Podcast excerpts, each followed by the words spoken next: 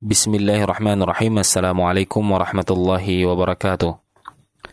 Pemirsa Ma'rifatul Islam di mana pun Anda berada, Alhamdulillah pemirsa dapat berjumpa lagi dengan Ma'rifatul Islam yang kembali akan menyajikan kepada para pemirsa informasi tentang hukum-hukum fikih yang ringkas, praktis, yang dapat dipertanggungjawabkan sesuai dengan dalil Al-Quran dan Sunnah Rasulullah Sallallahu Alaihi Wasallam. Ma'rifatul Islam hari ini, sepak bola. Bagaimana aturan Islam dalam olahraga sepak bola? Para pemirsa, di antara olahraga yang digandrungi para pria adalah bermain sepak bola. Di setiap penjuru negeri, dari kota hingga ke desa, menggemari olahraga yang satu ini, dalam Islam, hukumnya mubah. Boleh. Namun, tentu saja kita mesti memperhatikan aturan Islam tentang olahraga yang satu ini. Olahraga sepak bola itu boleh dengan beberapa ketentuan. Pertama, tidak membuka aurat. Aurat pria adalah antar pusar hingga lutut. Artinya, antara pusar dan lutut tidak boleh dipandang. Lutut sendiri tidak termasuk aurat. Nabi Shallallahu Alaihi Wasallam bersabda, karena di antara pusar dan lutut adalah aurat. Oleh karena itu, yang ingin bermain sepak bola hendaknya tidak mengenakan celana yang pendek sehingga kelihatan pahanya. Syekh Abdul Muhsin Al-Ubaikan, ulama senior di Saudi Arabia ditanya mengenai hukum bermain sepak bola oleh orang awam dan kapan terlarang. Lalu apa batasan pakaian yang dibolehkan? Beliau menjawab, bermain sepak bola itu boleh, akan tetapi harus menutup aurat antara pusar dan lutut. Wallahu a'lam. Kedua, bermain bola tidak dengan taruhan. Alasannya, karena Nabi Shallallahu Alaihi Wasallam hanya membolehkan musabaqah perlombaan dengan taruhan pada perkara tertentu saja. Perkara tersebut adalah yang dapat menegakkan Islam, yaitu sebagai sarana untuk latihan berjihad. Perlombaan dengan taruhan yang dibolehkan sebagaimana yang disebutkan dalam hadis Abu Hurairah, tidak ada taruhan kecuali dalam perlombaan memanah, pacuan unta, dan pacuan kuda. Sebagian ulama memperbolehkan lagi perlombaan yang dibolehkan dengan taruhan yaitu perlombaan menghafal Al-Quran, hadis dan berbagai macam ilmu agama. Karena menghafal di sini dalam rangka menjaga langgengnya ajaran Islam sehingga bernilai sama dengan lomba pacuan kuda atau lomba mana.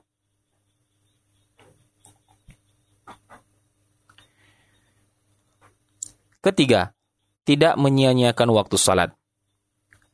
Ini juga harus diperhatikan karena pria punya kewajiban salat dan punya kewajiban berjamaah di masjid. Jika salat disia-siakan, maka perkara lainnya akan lebih dilalaikan lagi. Amirul Mukminin Umar bin Khattab radhiyallahu anhu mengatakan, sesungguhnya di antara perkara penting bagi kalian adalah salat. Barang siapa yang menjaga salat, berarti dia telah menjaga agamanya. Barang siapa yang menyia-nyiakannya, maka untuk amalan lainnya akan lebih disia-siakan lagi. Tidak ada bagian dalam Islam bagi orang yang meninggalkan sholat. Keempat, tujuan bermain sepak bola adalah untuk membugarkan badan.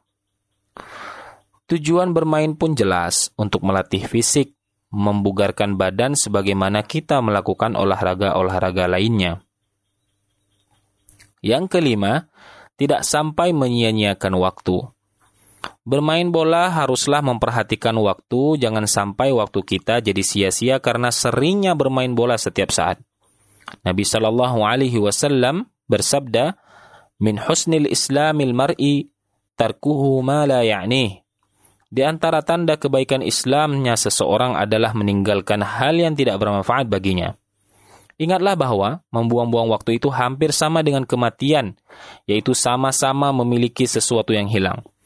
Namun sebenarnya membuang-buang waktu masih lebih jelek daripada kematian. Semoga kita merenungi perkataan Imam Ibnu Qayyim rahimahullah. Ketahuilah bahwa menyia-nyiakan waktu lebih jelek daripada kematian, menyia-nyiakan waktu akan memutuskanmu membuatmu lalai dari Allah dan negeri akhirat, sedangkan kematian hanyalah memutuskan dari dunia dan penghuninya. Sangat baik sekali jika kita mengisi waktu senggang dengan ibadah, menghafal kitabullah, mempelajari Islam, dan dengan kegiatan manfaat yang lainnya. Keenam, jangan mudah emosi. Sebagai tambahan, ketika bermain sepak bola hendaklah menjaga amarah, jangan mudah emosi dan pandai-pandai menjaga lisan dan cecian. Karena sudah barang tentu kita mendapatkan perlakuan kasar dari teman, baik sengaja ataupun tidak. Namun kita janganlah sampai berbalik berlaku kasar. Berakhlaklah mulia. Tunjukkan bahwa Anda adalah seorang muslim yang baik dengan membalas kejelekan dengan kebaikan bukan malah kejelekan dibalas dengan kejelekan. Allah Subhanahu wa taala berfirman, "Wala tastawil hasanah wala sayyi'ah, idfa' billati hiya ahsan, fa idza alladhi bainaka wa bainahu adawah ka'annahu waliyyun hamim." وما يلقاها إلا الذين صبروا وما يلقاها إلا ذو حظ عظيم dan tidaklah sama kebaikan dan kejahatan tolaklah kejahatan itu dengan cara yang lebih baik. Maka tiba-tiba orang yang antaramu dan antara dia ada permusuhan seolah-olah telah menjadi teman yang sangat setia. Sifat-sifat yang baik itu tidak dianugerahkan melainkan kepada orang-orang yang sabar dan tidak dianugerahkan melainkan kepada orang-orang yang mempunyai keuntungan yang besar. Sahabat mulia, Ibnu Abbas radhiyallahu anhu mengatakan, Allah memerintahkan kepada orang beriman untuk bersabar ketika ada yang membuat marah membalas dengan kebaikan jika ada yang buat jahil, dan memaafkan ketika ada yang berbuat jelek. Jika setiap hamba melakukan semacam ini, Allah akan melindunginya dari gangguan setan dan akan menundukkan musuh-musuhnya. Malah, yang semula bermusuhan bisa menjadi teman dekatnya karena tingkah laku baik semacam ini. Imam Ibnu Kathir rahimahullah mengatakan, namun yang mampu melakukan seperti ini adalah orang yang memiliki kesabaran, karena membalas orang yang menyakiti kita dengan kebaikan adalah sesuatu yang berat bagi setiap jiwa. Sehingga bermain bola pun butuh sikap sabar. Wallahu waliyut taufiq.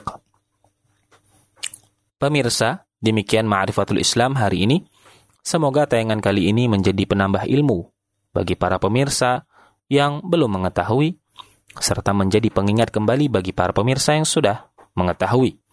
Demi mendukung agar ma'rifatul Islam berkembang terus menjadi lebih baik, apabila pemirsa memiliki kritik ataupun saran serta masukan, maka tidak perlu sungkan ataupun ragu untuk mengirimkannya ke redaksi kami sebagaimana yang tertera di layar kaca Anda.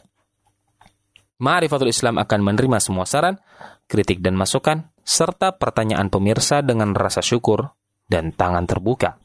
Akhir kata terima kasih wabillahi taufiq. Wassalamualaikum warahmatullahi wabarakatuh.